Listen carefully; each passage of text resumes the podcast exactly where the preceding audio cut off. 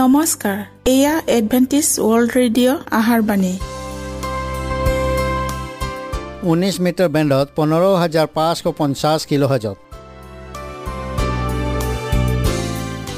Adventist world radio যোগে অসমীয়া ভাষাত প্ৰচাৰিত আহাৰবাণী প্ৰত্যেক বুধবাৰ আৰু দেওবাৰ সন্ধিয়া সাত বজাত আহাৰবাণী শুনাৰ পিছত আপোনালোকৰ কিবা মন্তব্য আৰু প্ৰশ্ন থাকিলে আমালৈ এই ঠিকনাত লিখক। আমাৰ ঠিকনাটি হৈছে Adventist world radio' seven day Adventist মণ্ডলী অসম শাখা লতাকাটা বশিষ্ট গুৱাহাটী সাত আঠ এক শূন্য দুই ন।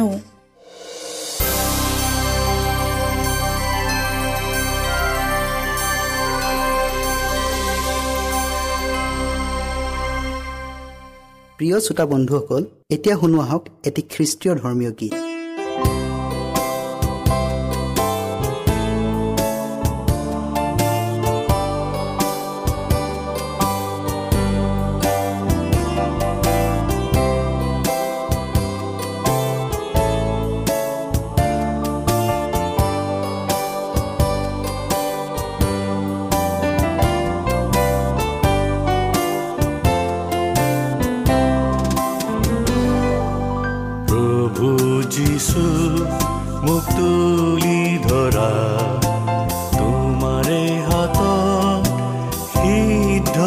কৰা এই জীৱ প্ৰতিকাৰে প্ৰভু প্ৰতিকাৰে প্ৰভু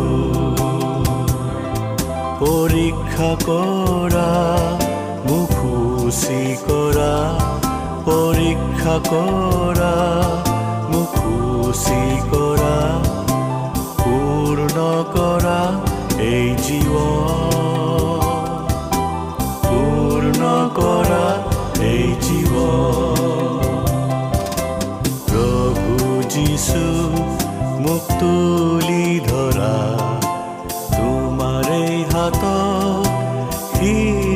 সিদ্ধ কৰা এই জীৱন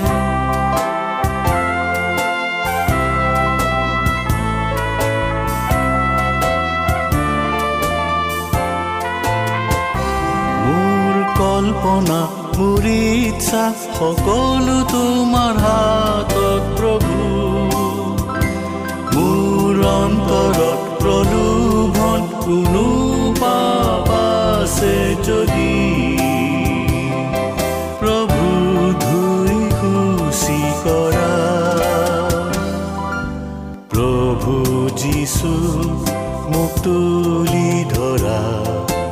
তোমাৰে হাত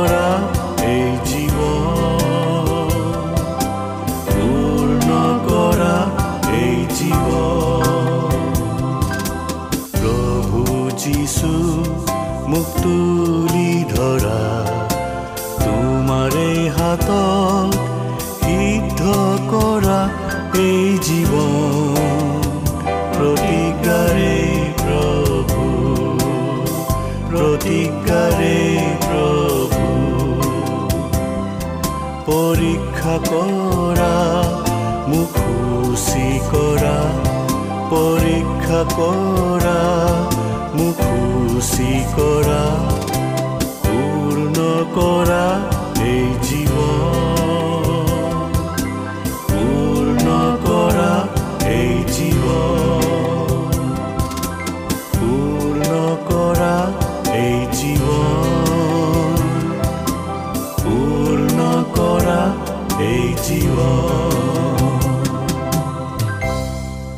প্ৰিয় শ্ৰোতা বন্ধুসকল আহক আমি খন্তেক সময় বাইবেল অধ্যয়ন কৰোঁ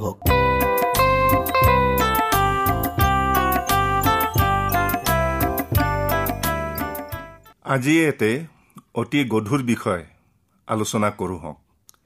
সেয়ে হৈছে মৃত লোকবিলাক ক'ত? আদমে যদি ঈশ্বৰৰ নিজ প্ৰতিমূৰ্তি দেহটোৰ সদ্যব্যৱহাৰ কৰিলেহেঁতেন আৰু প্ৰতাৰণা কৰোতাৰ পৰীক্ষালৈ আওকাণ আৰু ঈশ্বৰৰ আদেশৰ আজ্ঞাধীন হৈ থাকিলহেঁতেন। তেনেহ'লে মৃত্যু মানুহৰ অভিজ্ঞতাৰ বহিৰ্গত হ'লহেঁতেন। পাপৰ বেচ মৃত্যু হ'ল। বিশ্বাসৰ দ্বাৰাই যীশুখ্ৰীষ্টক আপোনাসকলৰ উদ্ধাৰকৰ্তা বুলি গ্ৰহণ কৰা ঈশ্বৰৰ সন্তানসকলক এই প্ৰশ্নই কোনো ভয় বা আতংক নজন্মায়। কিয়নো তেওঁবিলাকে যদিও জানে যে জগতত পাপ সোমোৱাৰ দণ্ড মৃত্যু হ'বই লাগিব তথাপিও তেওঁবিলাকৰ এই আশাও আছে যে আমাৰ প্ৰভু যীশু খ্ৰীষ্টীয়ত ঈশ্বৰৰ বিনামূল্য দান অনন্ত জীৱন আছে। কিন্তু এই অনন্ত জীৱন অনুগ্ৰহ স্বৰূপে কেতিয়া মুক্ত লোকক পুৰস্কাৰ হিচাপে দিয়া হ'ব? সেই সম্বন্ধে খ্ৰীষ্টিয়ানসকলৰ মাজত মতভেদ আছে। কিছুমানে অনুমান কৰে যে মৃত্যুৰ লগে লগেই আত্মা সৰগলৈ গৈ উদ্ধাৰপ্ৰাপ্ত লোকসকলৰে সৈতে বসতি কৰে। আন এক সম্প্ৰদায়ে শিক্ষা দিয়ে যে মানুহ মৃত্যু হ'লে পুনৰুত্থানৰ দিনলৈকে উত্থিত নহয়। কিন্তু আমি মানুহৰ অনুমান বা অভিমতৰ অনুসৰণকাৰী নহওঁ। এই গুৰুত্বপূৰ্ণ অভিমতৰ সম্বন্ধে অৰ্থাৎ মৃত্যুৰ পিছতেই মানুহ কি অৱস্থাত থাকে সেই সম্বন্ধে বাইবেল শাস্ত্ৰই কি প্ৰকাশ কৰে? কিয়নো মৃত অৱস্থাত তোমালৈ সোঁৱৰণ নাথাকে। চিউলত কোনে তোমাক ধন্যবাদ কৰিব?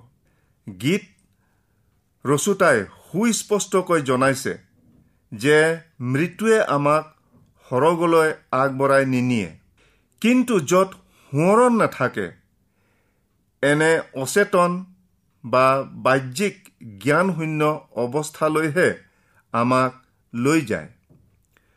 যদি চিউলত অৰ্থাৎ মৈদামত কোনো ধন্যবাদ নাই তেন্তে মৃত্যুৰ পিছত আত্মা কেনেকৈ গৌৰৱলৈ বা মহিমালৈ যাব পাৰে ইয়াক বুজি পোৱা কঠিন। গীতমালাত আমি পাওঁ মৃতবিলাকে জিহুৱাৰ প্ৰশংসা নকৰে। নিসমৰ ঠাইলৈ নামি যোৱাবিলাকৰ কোনেও তেওঁৰ স্তুতি নকৰে। গীত ৰচোতাই সমুদায় গীতমালা থকা দৰে এইখিনিতেও কৃতজ্ঞতা স্বৰেৰে স্বৰ্গৰ পৰা পোৱা আশীৰ্বাদৰ কাৰণে ঈশ্বৰৰ প্ৰশংসা গান কৰিছে। কিন্তু মৃত্যুৰ পিছত যে তেওঁ এইদৰে প্ৰশংসা গান কৰিব নোৱাৰিব তাক তেওঁ সঠিককৈ অনুভৱ কৰিছিল। গতিকে শাস্ত্ৰত তেওঁ যেতিয়া এইদৰে সোধে মই গাঁতলৈ নামি গ'লে মোৰ ৰক্তপাত কি লাভ? ধূলিয়ে জানো তোমাৰ স্তুতি কৰিব তোমাৰ সত্যতা প্ৰকাশ কৰিব। তেতিয়া সেই বচনত আচৰিত হ'বৰ কোনো কাৰণ নাই। শাস্ত্ৰত কৈছে তেওঁ কিয় মৃত্যু আৰু মৈদামক পাহৰণৰ দেশ বুলিছে তাকো বুজিব পৰা যায়। কিয়নো জীৱিত লোকবিলাকে মৰিম বুলি জানে। কিন্তু মৃত লোকবিলাকে একোকেই নাজানে। আৰু সিহঁতে নিজৰ নিজৰ শ্ৰমৰ ফল আৰু নেপায়। কিয়নো সিহঁতৰ স্মৃতি লুপ্ত হয়। সিহঁতৰ প্ৰেম সিহঁতৰ ঘীন আৰু সিহঁতৰ আঁসুৰা নষ্ট হৈ গ'ল। আৰু সূৰ্যৰ তলত কৰা সকলো কাৰ্যত সিহঁতে কোনো কালেও আৰু ভাগ নেপাব। এই বাক্যকেইষাৰ ইমান পৰিস্ফুট থকা স্বত্তেও বাইবেল বিশ্বাস কৰা লোকেও মৃত্যুৰ পিছত ধাৰ্মিকসকল সৰগলৈ আৰু অধাৰ্মিকবিলাক নৰকলৈ যায় বুলি কেনেকৈ শিক্ষা দিয়ে তাক বুজিব নোৱাৰি। শ্ৰেষ্ঠ ভাওবাদী যীশুৱে কৈছে চিউলে তোমাৰ প্ৰশংসা কৰিব নোৱাৰে। মৃত্যুৱে তোমাৰ স্তুতি কৰিব নোৱাৰে। গাঁতলৈ নামি যোৱাবিলাকে তোমাৰ সত্যলৈ আশা কৰিব নোৱাৰে।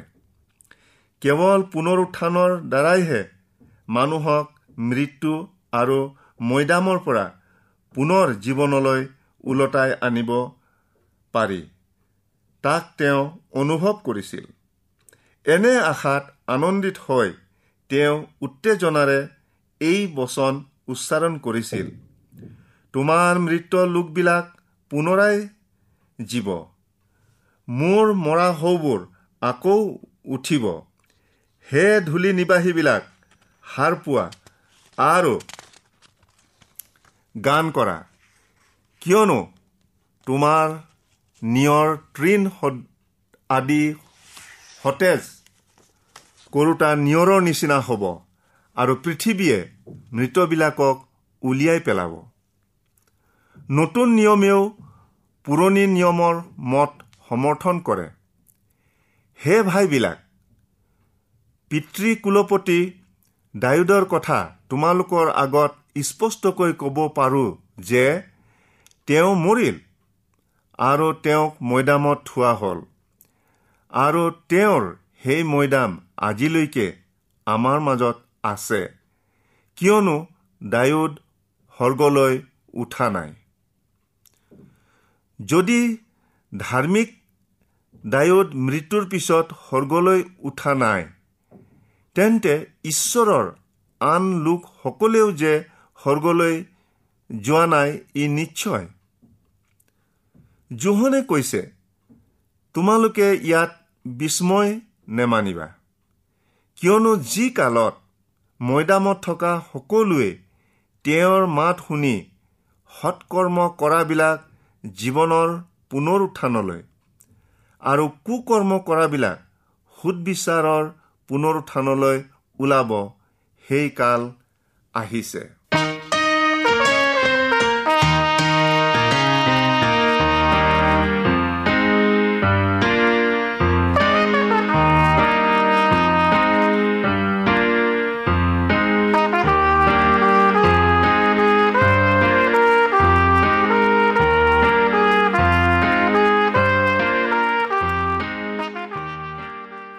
আমি অলপ দকৈ বিবেচনা কৰি চালেই অনুভৱ কৰিব পাৰোঁ যে আমাক মৈদামৰ পৰা জীৱনলৈ পুনৰ ওলটাই আনিবলৈ ব্যৱস্থা কৰাটোৱেই পুনৰুত্থানৰ মূল উদ্দেশ্য।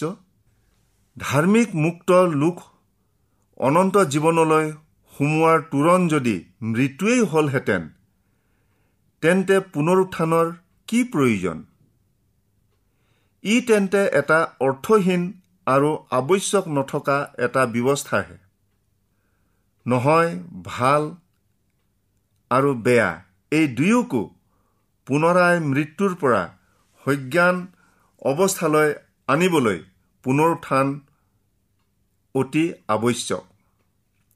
ভাবি চাওকচোন মৃত্যুৰ অনতিবলম পিছতেই সাধু লোক এজনক পুৰস্কৃত হ'বলৈ কিন্তু পাপী এজনক দণ্ডলৈ আগুৱাই নিয়াটো কেনে অবিচাৰ হ'ব? আগৰ কালত মানুহবিলাকে প্ৰকৃতিগত অমৰতাক বিশ্বাস নকৰিছিল। শাস্ত্ৰত কৈছে আমি এই কথাৰ সঠিকতা পাওঁ। ঈশ্বৰৰ সাক্ষাতে মৰ্ত জানো ধাৰ্মিক হ'ব পাৰে। গতিকে মানুহ যে অমৰ নহয় শাস্ত্ৰৰ এই দৃঢ় বচন আচৰিত নহয়। তেওঁ কয় যে মৰণত কোনো মানুহৰ পুতেকবিলাকে মৰ্যাদাৱন্ত হ'লে তাক সি নেজানে। আৰু সিহঁতৰ হীনাৱস্থা হ'লেও সি তাৰ গম নাপায়। মই পাঠকৰ মন আকৰ্ষণ কৰোঁ। এই ক্ষয়ৰ পাত্ৰই অক্ষয়তাক আৰু মৃত্যুৰ পাত্ৰই অমৰতাক পিন্ধিব লাগিব বুলি আমি তাত নেপাওঁনে?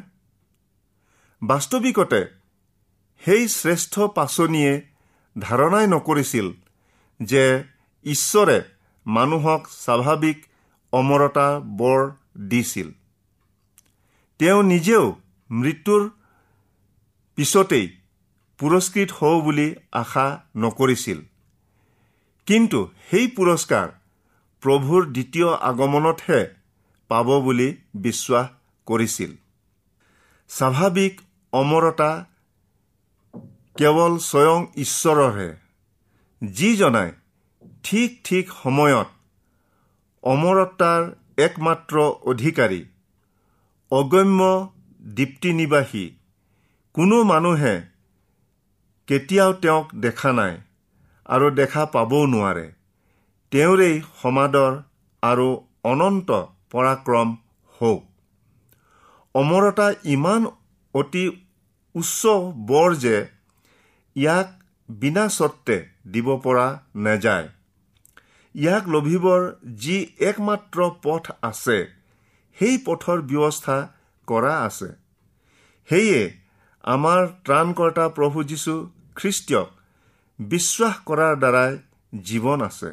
যিজনে ঈশ্বৰৰ পুত্ৰক পোৱা নাই তাৰ জীৱন নাই। প্ৰিয় শ্ৰোতা বন্ধুসকল আপোনালোকে প্ৰশ্ন কৰিব পাৰে যে বাইবেলে জানো আত্মা অমৰ বুলি শিক্ষা নিদিয়ে। কিন্তু আদি পুস্তকৰ পৰা আৰম্ভ কৰি প্ৰকাশিত বাক্যলৈকে তন্ন তন্ন কৰি চালেও এটা বচনো পোৱা নাযায় য'ত আত্মা অমৰ বুলি প্ৰকাশ কৰিছে। যি প্ৰাণীয়েই পাপ কৰে সেই প্ৰাণীহে মৰিব। অমৰতা ইমান বহুমূলীয়া বৰ ঈশ্বৰে ইয়াক বিনা স্বত্বে দান নকৰে। যি সকলো লোক ইয়াক পাবৰ যোগ্য সিবিলাকেহে ইয়াক পাব। এই সত্যতা উপলব্ধি কৰিলে মৃত্যু যে এটা জীৱনৰ পৰা আন এটা জীৱনলৈ যোৱাৰ জপনা নহয় তাক অনায়াসে বুজা যায়। অনন্ত জীৱন কেৱল যিবিলাক সৎকৰ্মত ধৈৰ্য ধৰি মহিমা মৰ্যাদা আৰু অক্ষয়তা বিচাৰে সেইবিলাকলৈহে আহিব। খ্ৰীষ্টীয়ৰ দিনত যিহুদীসকল প্ৰায়ভাগেই ধৰ্মভ্ৰষ্ট আছিল। আৰু তেওঁবিলাকে বিজাতীয় নানা প্ৰথা আৰু মঠ নিজৰ ধৰ্মত সুমুৱাই লৈছিল। সেই কালত গ্ৰীকবিলাকে হেডিজ বুলি এখন পাতালপুৰি আছে বুলি বিশ্বাস কৰিছিল। আৰু এই অন্ধকাৰময় হেডিজত সকলো মৃত মানুহৰ আত্মা বা ছাঁ আবদ্ধ হৈ থাকে বুলি তেওঁবিলাকে ধাৰণা কৰিছিল। যিহুদীবিলাকে এই মত অলপ সাল সলনি কৰি নিজৰ ধৰ্মমতত সুমুৱাই লৈছিল আৰু অহৎ লোক মৃত্যুৰ পিছত এই ঠাইলৈ যাব লাগে বুলি নিৰূপণ কৰি দিছিল। এনে ধৰণৰ মত অৱলম্বন কৰিয়েই তেওঁবিলাকে অনুমান কৰিছিল যে ধাৰ্মিকবিলাক মৃত্যুৰ পিছত আব্ৰাহামৰ কোলা বুলি এখন স্বৰ্গীয় ৰাজ্যত সোমায়। বাস্তৱিকতে পূৰ্বে আলোচনা কৰাৰ দৰে এই সকলো মত বাইবেল শাস্ত্ৰ শিক্ষাৰ বিপৰীত। কিয়নো বাইবেলে কয় যে মৃত্যু এটা জ্ঞানশূন্য অচেতন অৱস্থা।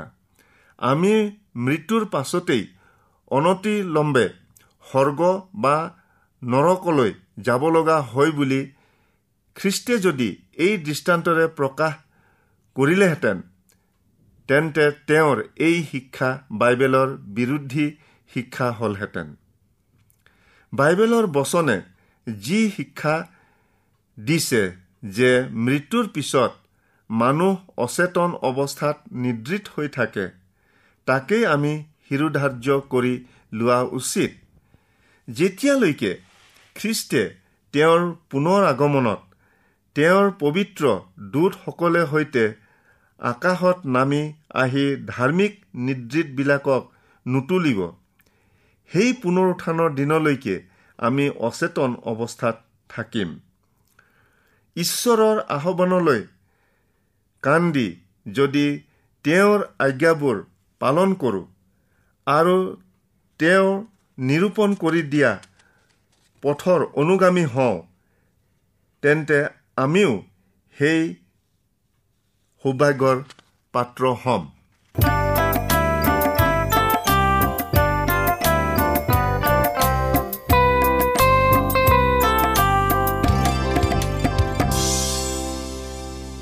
ইমানপৰে আমি বাইবেল অধ্যয়ন কৰিলোঁ। এতিয়া আকৌ শুনো আহক এটি খ্ৰীষ্টীয় ধৰ্মীয় গীত।